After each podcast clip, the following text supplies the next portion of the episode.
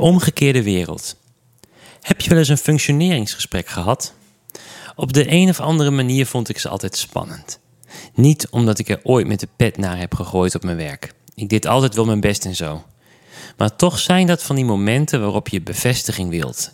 En je wilt weten dat je van waarde bent. Ik bereidde me altijd wel goed voor op die gesprekken.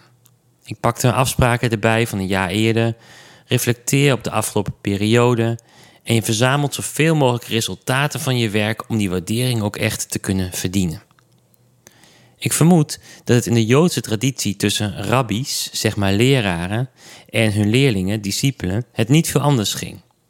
Natuurlijk kenden de discipelen hun plek. De leraar was er om hun kennis bij te brengen. En ik vermoed dat je als leerling, daar waar het kon, wilde laten zien wat je had geleerd. Ik denk ook zomaar dat de discipelen van Jezus ook van die momenten hadden dat ze bevestiging zochten bij hun rabbi. En dan lezen we dit in Johannes 13, een verhaal dat Jezus en zijn discipelen kort voor het Joodse Pesachfeest aan een maaltijd zaten, of waarschijnlijk lagen. En dat Jezus, de rabbi, dan ineens opstaat en begint met het wassen van de voeten van de leerlingen. Volgens mij was het normaal dat je dat wassen van de voeten voorafgaand aan de maaltijd deed. En of dat dit keer wel of niet was gebeurd, dat zegt het verhaal niet. Maar wat we wel zien gebeuren is een uitgebreide discussie tussen Jezus en Petrus. Petrus weigert min of meer de voetenwassing door zijn rabbi.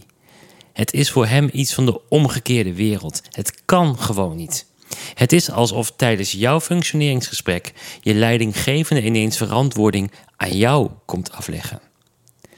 En dan zegt Jezus dit in Johannes 13, vers 8.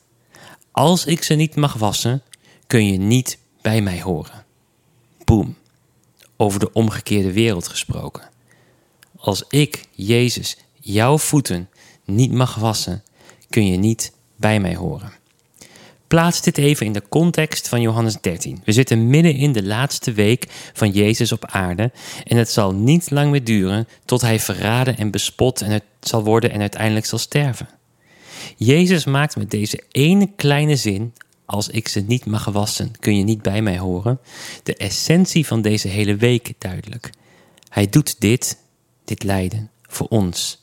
En wij kunnen alleen maar dank u wel zeggen. Sterker nog, als we dat niet zeggen, kunnen we niet bij hem horen.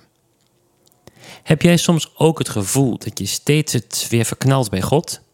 Dat je wel meer tijd voor hem wilt maken, maar gewoon te moe bent? Dat je je voorneemt om die persoon die jou steeds uitdaagt liefdevol te aanvaarden, maar je toch weer uit je stof schiet? Dan zegt Jezus: Je bent al rein, je hoort bij mij. En die keren dat het misgaat, dan was ik daarna je voeten wel. Wees niet bang. Je hoeft je bij mij niet te bewijzen. Als ik je voeten niet mag wassen, kun je niet bij mij horen, zegt Jezus. Woorden van waarde om deze stille week voor Pasen eens over na te denken. Hij wast onze voeten. Hij draagt ons lijden. En hij vraagt dan niet dat we hem daarbij nog harder gaan helpen of ons nog meer schuldig gaan voelen. Nee, hij zegt: aanvaard het nou maar.